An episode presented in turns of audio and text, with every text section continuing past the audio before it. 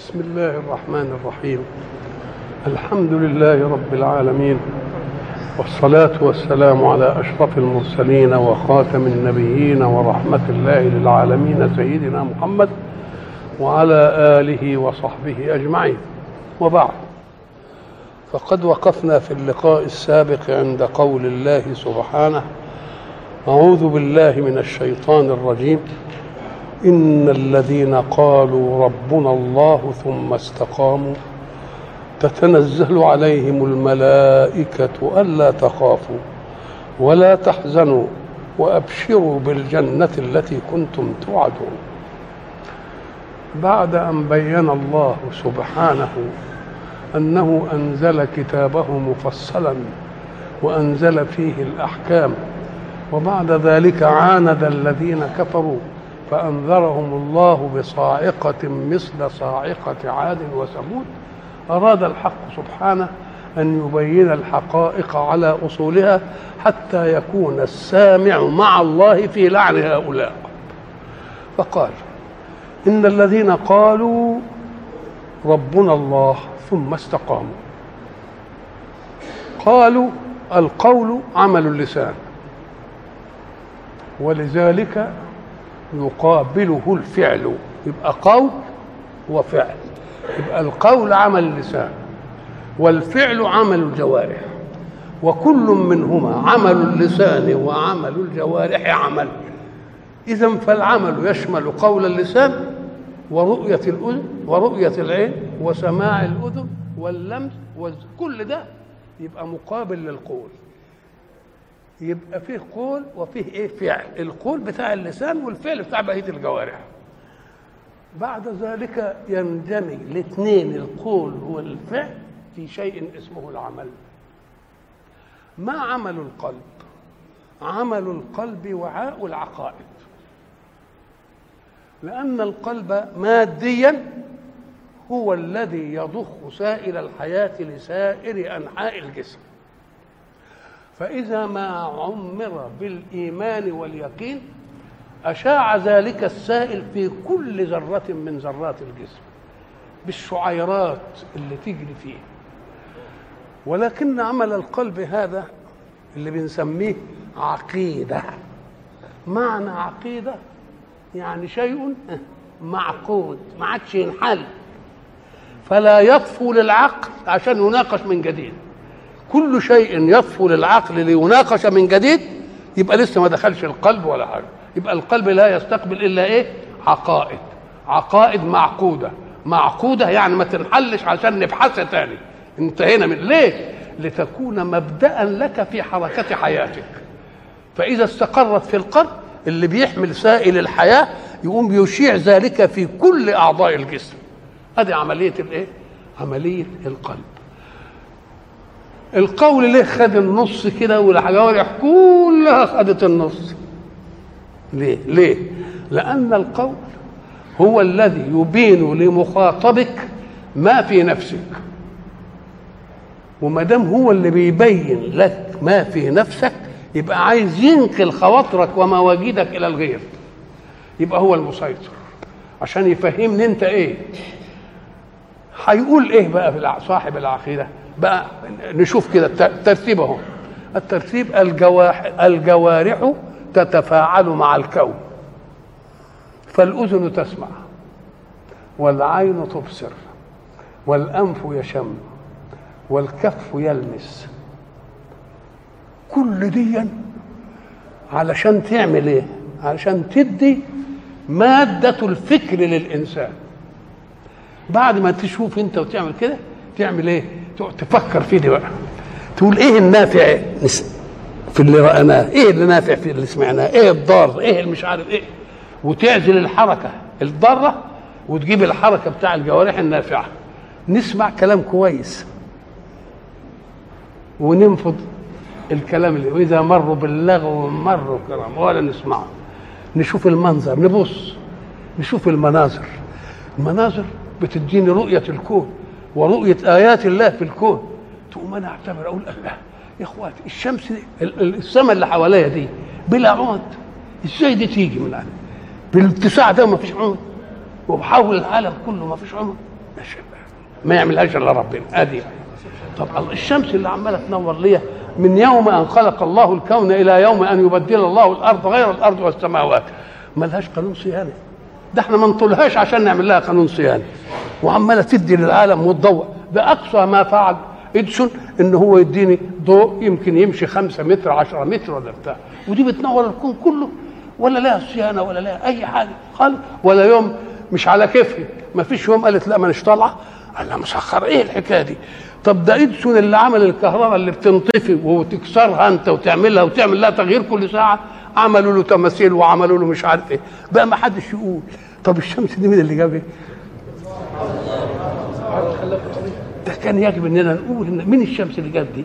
اللي مش عايزة حاجة مني دي. اللي بتنور نص الدنيا. قال لا. وبس مش بتنور. لا وبتدي الحرارة والإشعاع اللازم لنمو كل كائن في الأرض. الله. ومن أدي اللي ادته العين. وبعدين أبص ألاقي. الله يا أخواتي الأرض بتطلع لي طعام. طب والأرض دي بتطلع طعام عشان قوام حياتي.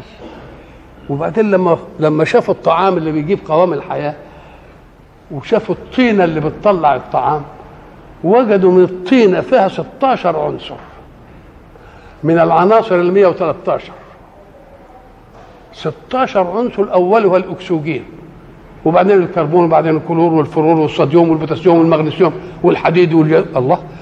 لحد ما تنتهي بالمنجنيز آثار. لما جم حللوا جسمي أنا يا حي وجدوا ال 16 عنصر هم ال 16 عنصر. يبقى صدق الله حين خلقكم من طين. كل دي عبر بناخدها ونطلع منها قضايا عقلية وبعدين نختار. الله.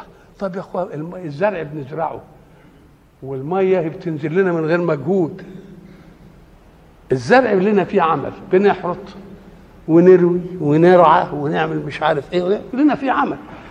ولذلك ربنا يقول بس خدوا خدوا بالكم. قل أرأيتم ما تحرثون أأنتم تزرعونه أم نحن الزارعون؟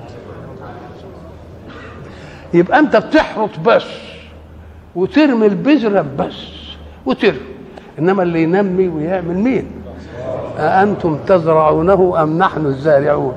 شوف بقى النقل لو نشاء لجعلناه حطاما. صحيح الزرع يبقى مش عارف تجي له قفا كده نلتفت نلاقي ما فيش. هنا لو نشاء لجعلناه حطاما. بيدي النعمة وبيقول أنا عندي اللي ينقضها مش النعمة طلعت من إيدي كده خلاص لا عندي اللي ينقضها لو نشاء لجعلناه حطاما. ناس زرعوا كتير وقالوا يا سلام هنستغنى عن الغله اللي بتجينا من بره وناس في باكستان. وبعدين جه ساعة الحب ما جه جت بتاع وشحته برضه من باكستان مش بتاعتك. يبقى أنت الأسباب بتعمل إنما هي مش مش هي اللي بتدي الا ربنا اللي بيديك وبعدين تيجي تلاقي الأسلوب ما يقولوش إلا رب. لو نشاء كان يقدر يقول لو نشاء جعلناه حطاما. ما قالش كده. أو أي لو نشاء لجعلناه اللام التأكيدية. ليه؟ لأن لغير الله عمل وهو الحراسة والزراعة ومش عارف إيه. لكن في المية أفرأيتم الماء الذي تشربون؟ أأنتم أنزلتموه من المزن أم نحن المنزلون؟ ما لناش في عمل خالص تبخير وتكشيف وعملية ولا لنا دعوة. زي الأرض. قال لو نشاء جعلناه حطاما. ما جابش اللام ليه؟ لأن ما حدش له شركة فيه. ما يجيبش مش يؤكدش دي لأن ما حدش له عمل فيه. طب أفرأيتم النار التي تورون ندفي ونعمل وهو إلى آخره؟ أم قال إيه؟ لا. أفرأيتم النار التي تورون؟ أأنتم أنشأتم شجرتها؟ يا سلام. دلني على أن أصل النار الصحية اللي ما فيهاش ضرر هي نار الأخشاب. كل نار بعدها لها مضار ليه طب ليه ما أفنتهاش يا رب زي ما قلت لو نشاء جعلناها برضه رماد؟ ما جابش دي. ليه؟ قال لكن أنا ما قلت لكمش لو نشاء لجعلناها رمادا لأنني أردت أن تظل النار نارا تذكرة بنار الآخرة. كل دي اللي خدوا مين؟ إحنا بنسمع وبنشوف. بعدين نركز بقى الأشياء العقل. يختار دي دي بلاشها ودي بلاشها ودي ولما ينتهي إلى حاجة يروح مسقطها للقلب بقت عقيدة. عقيدة تسيطر على حركتك هذه العملية. الحق سبحانه وتعالى لما جه حتى في ال في ال في, ال في الإيجاب قال أفرأيتم ما تمنون؟ المن اللي بيجيب اللي بيجيبكم. أفرأيتم إيه؟ ما تمنون إيه؟ أأنتم إيه تخلقونه نحن إيه يا شيخ؟ فين الشيخ؟ أفرأيتم ما تمنون؟ أأنتم إيه؟ تخلقونه أم نحن الخالقون؟ نحن قدرنا عليكم الموت. يبقى اللي ال ال ال ال الحياة دي أنا أقدر أموتها. يبقى الحياة أقدر أموتها. الزرع أقدر أحرقه. المية أقدر اخليها مش عارف وجاه بس النار لا. النار هخليها لكم عشان تعمل لكم كده هو وتخيلكم عشان تفتكروا العذاب بتاع الايه بتاع الآخرة. فالذين انتهوا إلى هذه المرائد واخذوا من الكون هذه هذا الأخذ لأن الكون فيه آيات كتير. ولذلك القرآن لما يجي على الآيات يتكلم عنها يصنفها ثلاث أصناف. اسمها آيات كونية. آيات لتثبت الموجد لها.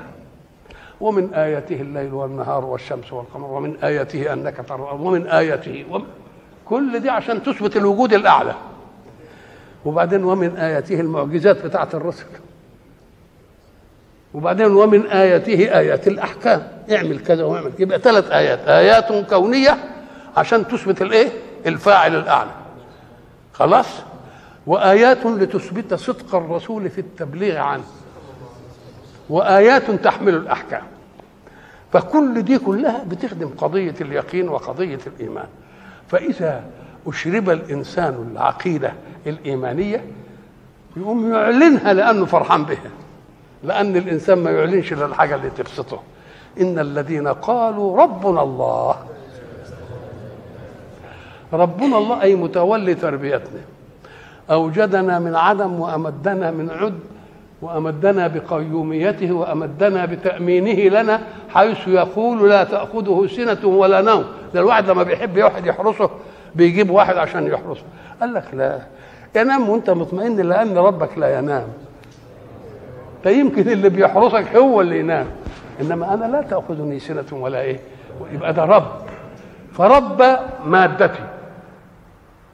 بأن خلقها وأوجدها وبعدين جعل لها القوت وجعل للقوت على حسب الحاجة. الحاجة اللي هي مهمة اللي هي الطعام زي ما قلنا. وبعدين نسبة هي الشراب وبعدين الهواء. شوف القوت تصبر عليه شهر. المية تصبر عليها عشرة أيام بس. الهوى ما تصبرش عليه ولا لحظة. ولذلك لم يمكن لم يملك الله الهواء لأحد من خلقه. لأنه قبل أن يرضى تكون الروح انتهت. فآمن وقال لك دي ما حدش ياخدها. فإذا قال وانبسط كده. وبعدين لم يجد تعبيرا للسانه إلا أن يقول أو إن الذين قال ربنا الله ربنا الله دي بقى تبقى عقيدة. تبقى إيه؟ عقيدة. وما دام ربنا الله هو اللي متولينا خلقا من عدم وإيادا من عد وإمدادا من عد ما دام ربي الله ده اللي له أب ما بيحملش هم. الدنيا غلي القماش غلي الأب الولد له دعوة. ملوش دعوة. فاللي له رب يختشي على عرضه. وما دام ربنا الله أقوم أنا كل مفزع يجيني من الحياة وشيء خرج عن اسبابي التي خلقه الله لي. أقول إيه؟ يا رب بس. يا رب. ولذلك حتى لما الانسان يكون في بيته وحصل له مثلا حاجة مفزعة يقول يا فلان يجيب الناس أقرب له يا واد يا مش عارف إيه يا مش عارف يا أهل البيت يا وبعدين ما حدش قاله قال يا هو. يعني ما فيش إلا هو بقى. هو ده اللي اذا هو المفزع الأخير. هو المفزع أيوه المفزع الأخير. قالوا ربنا الله. وما دام ربنا الله يبقى لا كرب وأنت رب. ما دام أنت رب يبقى ما فيش حاجة. ليه؟ قال لك لأنه هيعمل عنك الأشياء اللي أسبابك ما تقدرش عليها. مثلا سيدنا موسى قلنا سابقا انه هو ذهب إلى مصر ليخرج بني إسرائيل. فلما خرج هو وبني إسرائيل أتبعهم فرعون بجنوده. لما أتبعهم فرعون بجنود واحد من من قومه قال له يا موسى إنا لمدركون أدي البحر قدامنا هو العدو ورانا. ما فيش. شوف بقى الرصيد بتاع الرب. قال له كلا مش مدركون ولا حد يقدر علينا. يا شيخ ده هو البحر هو ده العدو. قال إن معي ربي سيهدين أدي المفزع بقى أدي الربوبية.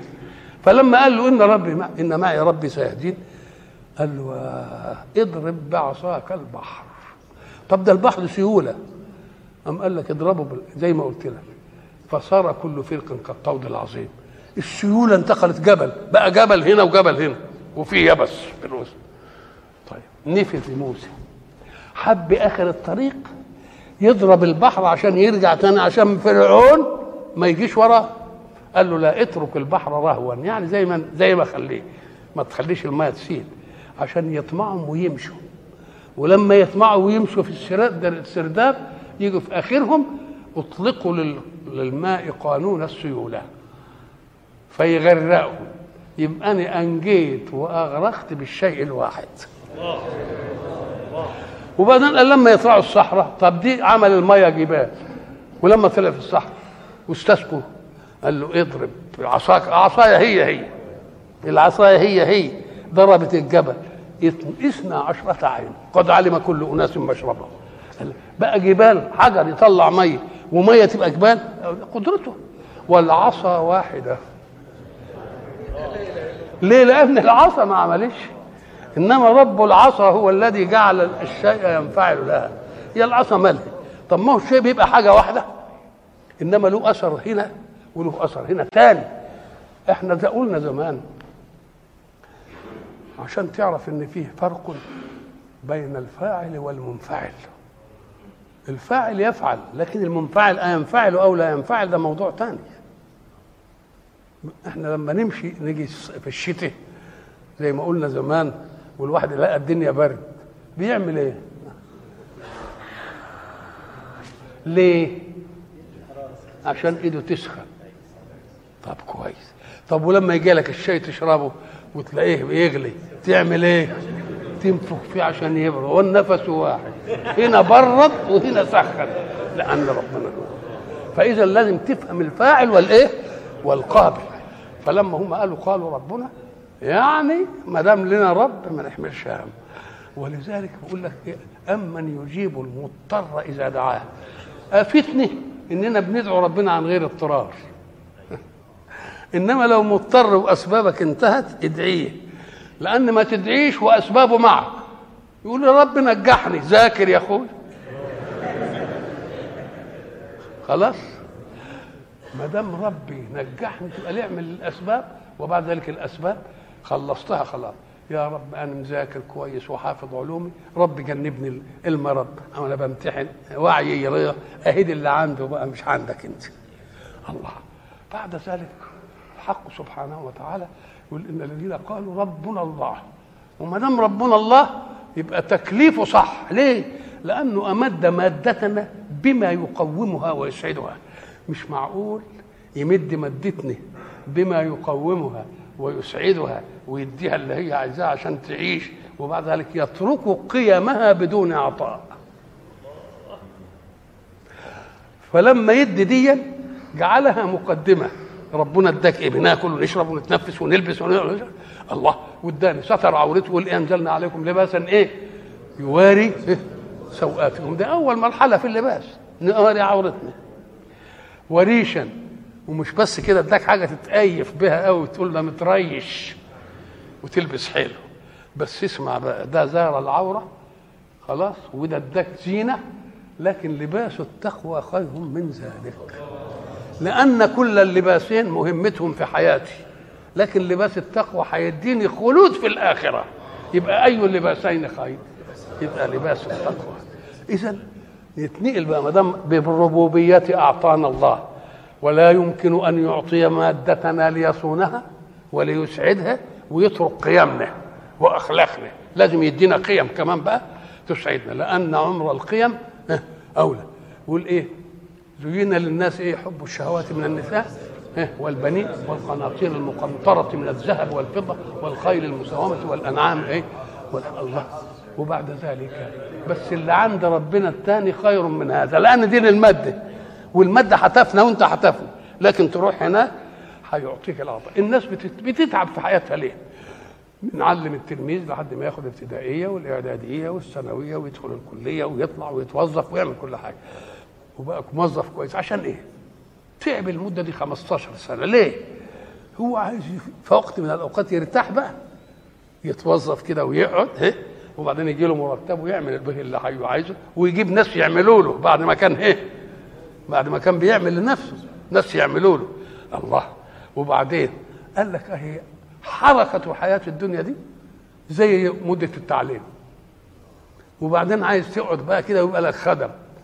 أهي الآخرة بقى هتديك خدم ملهاش نهاية. ومش خدم بس كده ولا تطلب حاجة تقول تشتهي النفس شيئا يجد قدامه. الله. يبقى اذا التقوى حصيلتها أقوى. آه. فبيقول إن الذين قالوا ربنا الله بالإقرار الموجود إيجاد ومهيصنا قال قالوا ربنا هو الله نفسه. قال لا طب وليه كده؟ أم قال لك عشان تعرف إن مش منفصلين. بس الرب عطاء منه لك. والله تكليف منه لك. بس تكليف أيضا بما يسعد قيمك. فكما قبلتم نعم الله إيجادا من عدم وإمدادا من عدم ومتعة اقبلوا توجيه لا يبقى لله عطاء وللرب عطاء. وقد عرفتم عطاء ربكم. فاعرفوا عطاء إلهكم ولا تقولوا أنه ضيق عليكم بالتكليف لأنه هو كلفك عشان مصلحتك برضه. فاذا خذ الله المكلف لأن معنى الله المعبود بحق. وهيديني تكليف افعل ولا تفعل. في الحالة الربوبية ما قاليش لا افعل ولا تفعل وبتاع سابنا على على حل شعر لحد ما بلغت.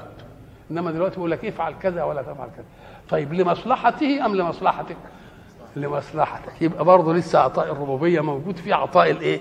في عطاء الإيه؟ الألوهية فالذين يؤمنون بالاثنين رب وإله رب يعطي وإله يكلف فكما قبلت نعمة الله في التربية والعطاء اقبل نعمته في التكليف لأنه لصالحك أنت هو مش هيستفيد منك حاجة بس عايز يطول عمرك في الآخرة وعايز يديك نعيم بقى ما لا عين رأت ولا أذن سمعت ولا خطر على قلب إيه؟ على قلب بشر ساعة ما ربنا يقول طب امسك أي تكليف. ما هو التكاليف يعني؟ التكاليف تنحصر في افعل كذا ولا تفعل كذا. فالموفق يجعل افعل في مكانها ولا تفعل في مكانها. ما ينقلش دي فيه. اللي قال لك افعله مش ما تفعلوش واللي قال لك ما تفعلوش ما تفعلوش. وما لم يقل لك فيه افعل ولا تفعل انت حر. تعمله ما تعملوش انت حر. ما فيش أي أي حاجة. طيب إن الذين قالوا ربنا الله ثم استقاموا. بعد ما العقيدة ما كملت إن الرب هو الإله وكما أخذنا عطاء الرب يجب أن نأخذ عطاء الله تكليفا لأنه تشريف لنا نستقيم.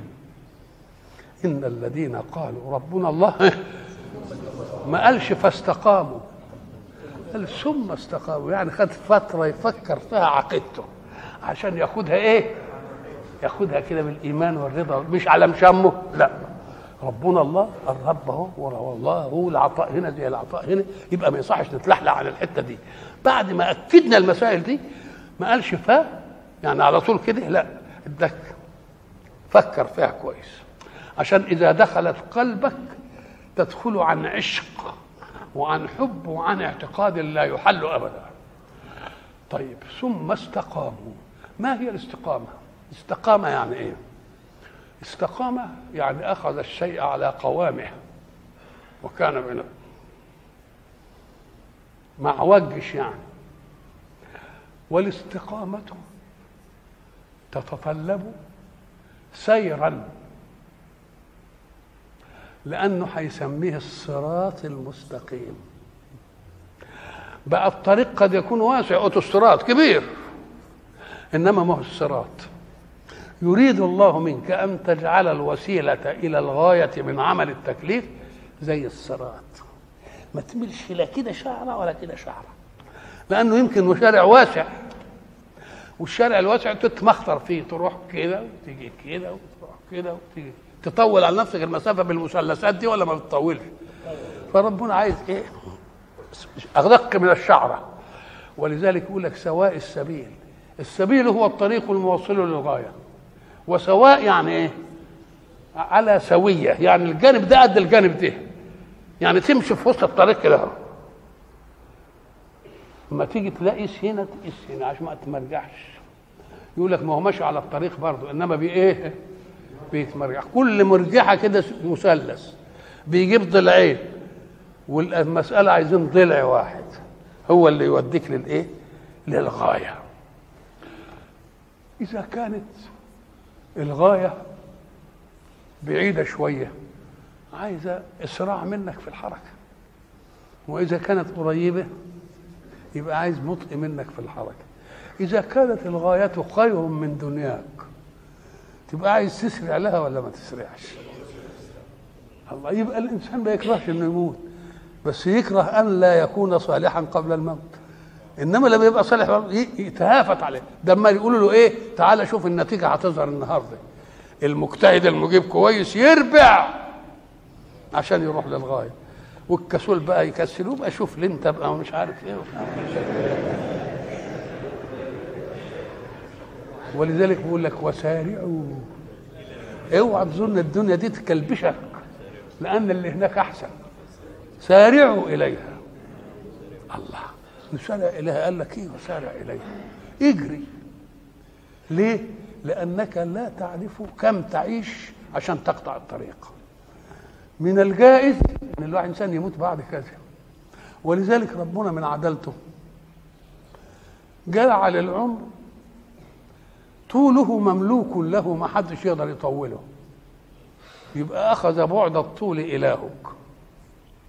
ولكنه ترك لك حاجتين اتنين في العمر. قال دي لعبدي أنا اخذ الطول بس. ولكن عبدي أنا أخذت طول عمره وتركت له أن يأخذ عرض عمره العرض بقى يعرض عمره بقى. اللحظة اللي يعيشها يوسع مجال الخير في نفسه. ويمكن العرض يبقى إيه؟ أكبر من الطول. في لحظة عمر واحدة يعمل أعمال طيبة واسعه الله. طيب واخد إيه؟ وساب لك إيه كمان؟ قال لك اللي, اللي عرض عمره يعني ما عمل في العمر القصير عملا كبيرا. عمل كبير دليل على أن حط همه في عمله. المخلوق له. طب وبعدين؟ قال لك اللي هيعمله وهو عايش كده والداخل للناس بعيدين كده زي أصحاب الأعمال الكويسة اللي بتنشئ أعمال للناس وبتعمل مصانع للناس. كل دي بيعرضوا عملهم ولذلك ربنا لما بيتكلم على السماء والله عرضها السماوات والأرض بقى يا رب تديني العرض ولا تدينيش الطول أم قال لك لأن إذا كان عرضها السماوات والأرض يبقى طولها إيه؟ يبقى جدلك أعمال بأوسع الأعمال والإنسان بقى يبقى يملك إيه؟ يعرض عمره معنى يعرض إيه؟ يبقى الحركة الزمن البسيط يعمل منه عمل خير كبير ويشوفه كده في أهله أولا في نفسه أولا وفي أهله وفي عشيرته وفي وبعدين يعرضه أو يمكن يشمل الدنيا كلها. لكن بعد ما يموت عمله مربوط به ينتهي. يقول لك خد واحد ياخد العرض وياخد العمق. إنه بعد ما يموت يبقى له إيه؟ يبقى له آثار. يبقى ده خد ترك الله الطول وأخذ إيه؟ العرض وأخذ الإيه؟ العمق. طبعا الحق سبحانه وتعالى قال إيه؟ ثم استقاموا. استقاموا يعني مشوا دايرة زي ما بنقول دايرة. لا يلتفت لا يمينا ولا يلتفت شمالا. بس ما يربعش في الطريق الواسع. تبقى عارف الحكم برضه يروح له كده شوية وبعدين يعمل شوية ويقول له لا خليك خليك على طول. ولذلك جعل الله في الفاتحة اهدنا الصراط المستقيم. وبعدين ثبت الهندسة قال لك المستقيم هو اقصر إيه؟ البعد بين النقطتين. نفسهم قالوا كده. اهدنا الصراط الإيه؟ المستقيم. حق سبحانه وتعالى حين يطلب منا ذلك يريد أن يسمر حركتنا. ما يتعبنيش في الحركات الطويلة اللي ما تفديش لا يخليها حركة قصيرة وراح للإيه؟ وراح للغاية. بس سيد ساعة ما يطلب مني مسارعه يقول سارعوا إلى مغفرة سارعوا إلى المغفرة ليه عشان تبقى نشيط ماشي الحق سبحانه وتعالى بعد هذا يقول الذين قالوا ثم استقاموا طب طريق مهمة الاستقامة إيه؟ اديني بقى مهمة أنا أستقيم يا رب والطريق هنوصلك للغاية. قال لك عشان ما يبقاش لا فيه لا عوج ولا أمت. اقرأ قول الحق سبحانه وتعالى في أول سورة الكهف. الحمد لله الذي أنزل على عبده الايه؟ الكتاب ولم يجعل له عوجا قيما. وبعدين يقول لا عوج ولا أمت في آية ثانية. لأن العوج إنك تتجه في المساحة كده وكده. الأمت تطلع وتنزل تطلع وتنزل. لا فيها لا ده ولا إيه؟ لأن برضو الطلوع هياخد مسافة. والنزول هياخد مسافة. والعوجان هياخد مسافة. لا, لا دي ولا دي. نشوف بقى أركان الاستقامة. أركان الاستقامة؟ قال لك خمسه هي التي تبنى عليها أحكام الاستقامة. اللي هي النبي قال عنها إيه؟ بني الإسلام على خمس. شهادة أن لا إله إلا الله. بتاع العقيدة بقى. أدي واحدة. وبعدين هو إقام الصلاة وإيتاء الزكاة وصوم رمضان وحج البيت من استطاع إليه سبيلا. اوعى تفتكر إن هي دي الدين. دي القواعد والأسس اللي هيبنى عليها الدين. يبقى الدين كله حركة في الحياة. من إماطة الأذى عن الطريق إلى قمة لا إله إلا الله. يبقى الأركان اللي هينبني عليها الإسلام بني الإسلام يبقى مش هي الإسلام. الأسس التي يبنى عليها الإسلام لتظل على ولاء من الله في الصلاة كل يوم وتجدد التكليف في الصيام لأنه. قبل الفجر قبل الفجر بدقيقة حلال أن تأكل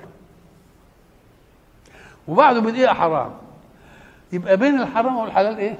لحظة واحدة طب وإيه الحكاية دي؟ قال لك لأن المؤمن حين يصوم صام عن شيء كان قبل لحظة حلالا. لأن في محرمات عرفها الإسلام. وأنا ما بعملهاش فبقى الطبع فيا. يعني كوني ما أشربش خمر بقى طبع ولا افتكرها ولا تيجي على بالي. كوني ما شربتش زهور ولا بيجي على بالي. الله.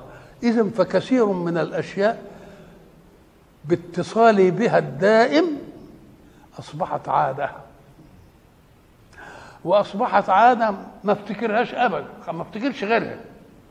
أم قال لك لكني أريد أن أديم على عبدي حلاوة التكليف من الله.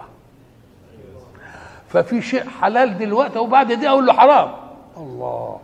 يبقى اذا خلعنا من إلف العادة إلى شرف العبادة.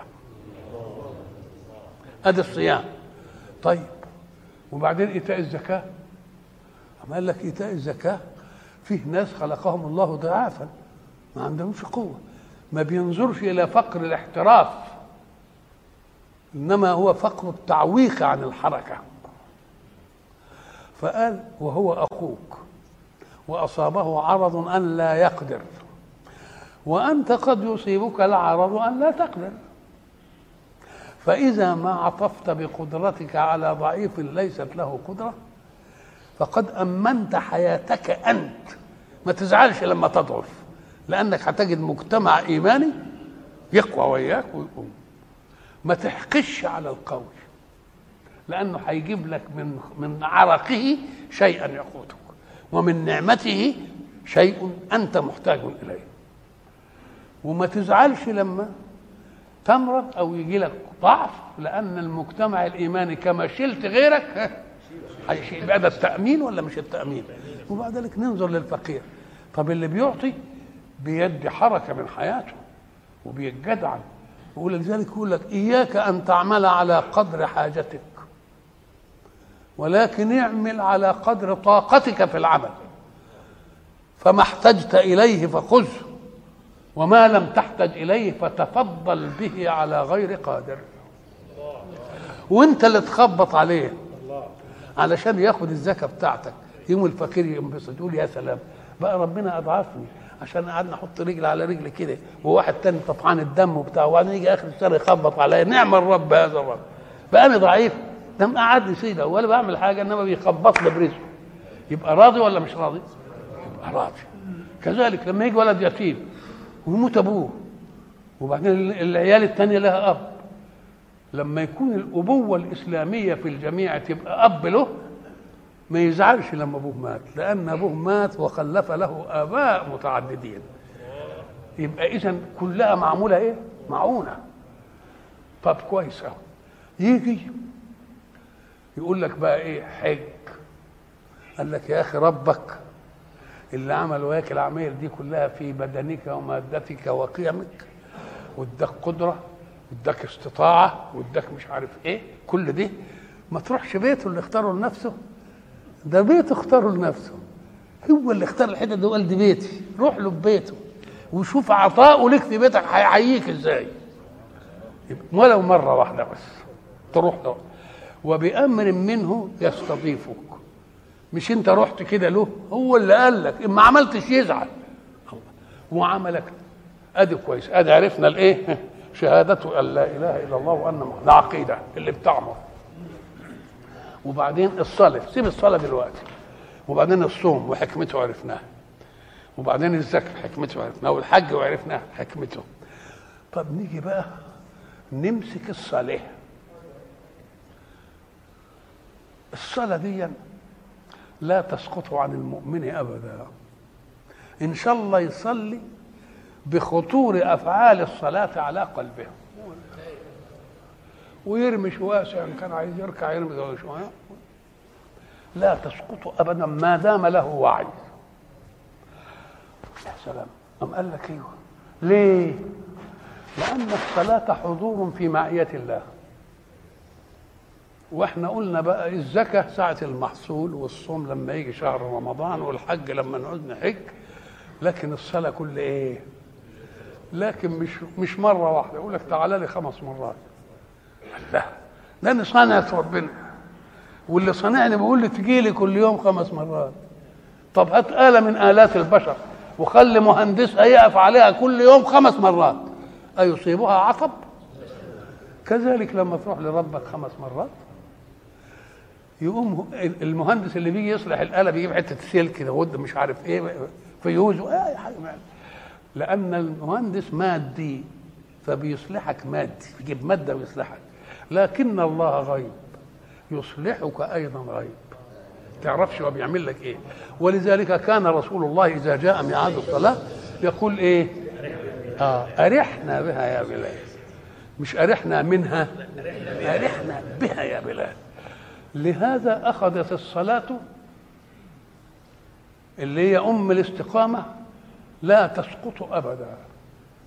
لكن الإنسان قد يكون مريضا أو مسافرا فلا يصوم. ما عندوش دخل فلا يزكي. ما عندوش قدرة بدنية أو مالية فلا يحج إذا قد تسقط. إلا أن الصلاة لا إيه؟ لا تسقط. طب شهادة أن لا إله إلا الله اللي هي القمة. طب أنا أقولها مرة واحدة في الأسبوع.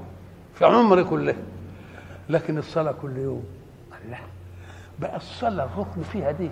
أهم من حكاية أشهد قال لك لا هي صحيح اللي ما تسقطش إنما فيها كل أعمال الاستقامة. ليه؟ لأنها حين التكليف كل تكليف من الله جاء بالوحي.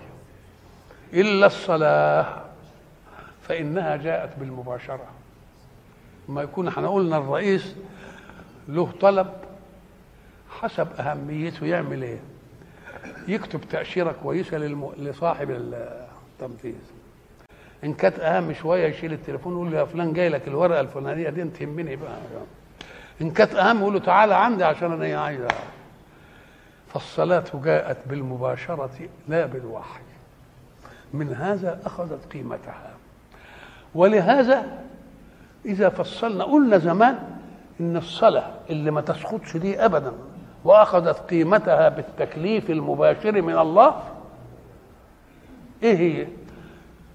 تجمع كل أركان الإسلام التي بني عليها الإسلام. لأن أركان الإسلام يقول أشهد أن لا إله إلا الله وأنا بقولها في الصلاة. طيب والصوم؟ قال لك الله ده أنا بصوم في الصلاة عن أكثر مما أصوم عنه في رمضان. أنا بصوم عن الأكل والشرب وشهوة البطن والفيض.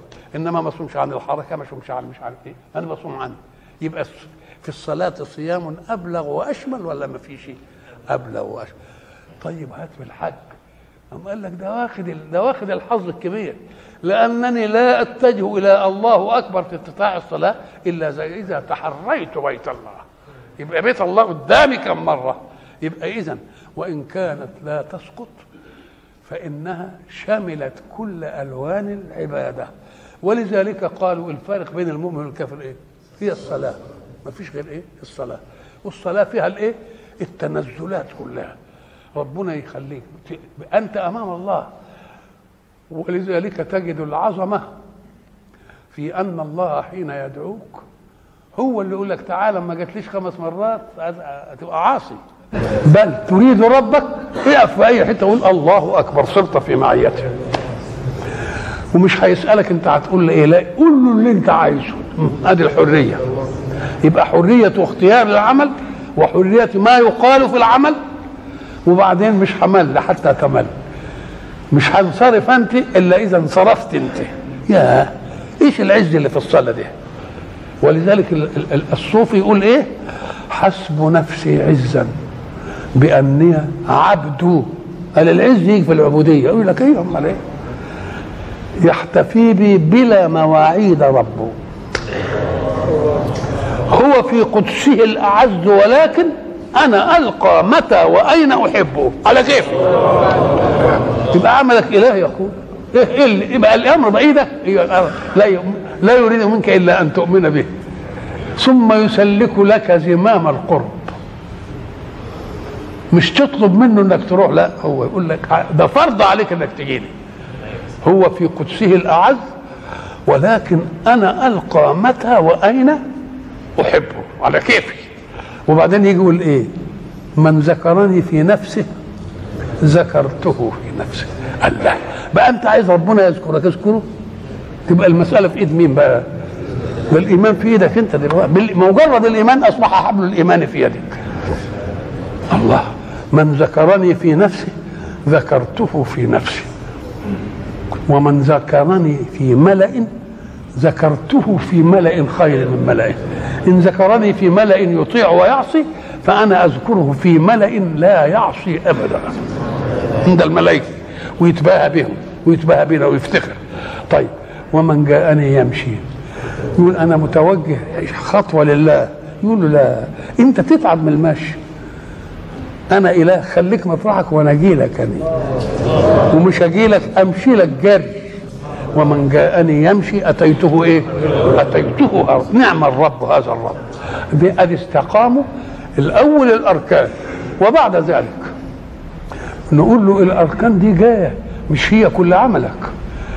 عملك في الإيمان من إماطة الأذى عن الطريق إلى قولك لا إله إلا الله. كل حركة في الوجود مطلوبة للإيمان. ولذلك حين يدعوك للصلاة لأنه على كرامتها ديا يقول إذا نودي للصلاة من يوم الجمعة فاسعوا إلى ذكر الله. ها ما خدكش عواطلي وزروا البيع. يبقى خدك من عمل. ومن عمل قمي. ليه؟ لأن معنى البيع والشراء تجارة. والتاجر ده واسطة بين منتج تعب طول حياته بينتج صنعة وبيزرع وبيعمل. عايز اللي يشتريه. يبقى منتج ومستهلك. اللي بيقوم بالعملية دي مين؟ التاجر. طب ما هو فيه شره وفيه بيع. أم قال لك لكن اختار ربنا البيع. خرجك من ليه؟ لأن المشتري قد يشتري وهو كاره إنما البائع يحب أن يبيع في أي وقت. فأخرجك من حركة تحبها أنت. إلى حركة اللي هي تروح للصلاه ومش قالكش تقعد بقى في الجامع وتعمل لي صلي لي. فإذا قضيت الصلاة فانتشروا في الأرض وابتغوا من فضل الله فأخرجني للعبادة من عمل وأعادني من العبادة إلى عمل فكل عمل في الحياة طاعة. وإلى لقاء آخر إن شاء الله.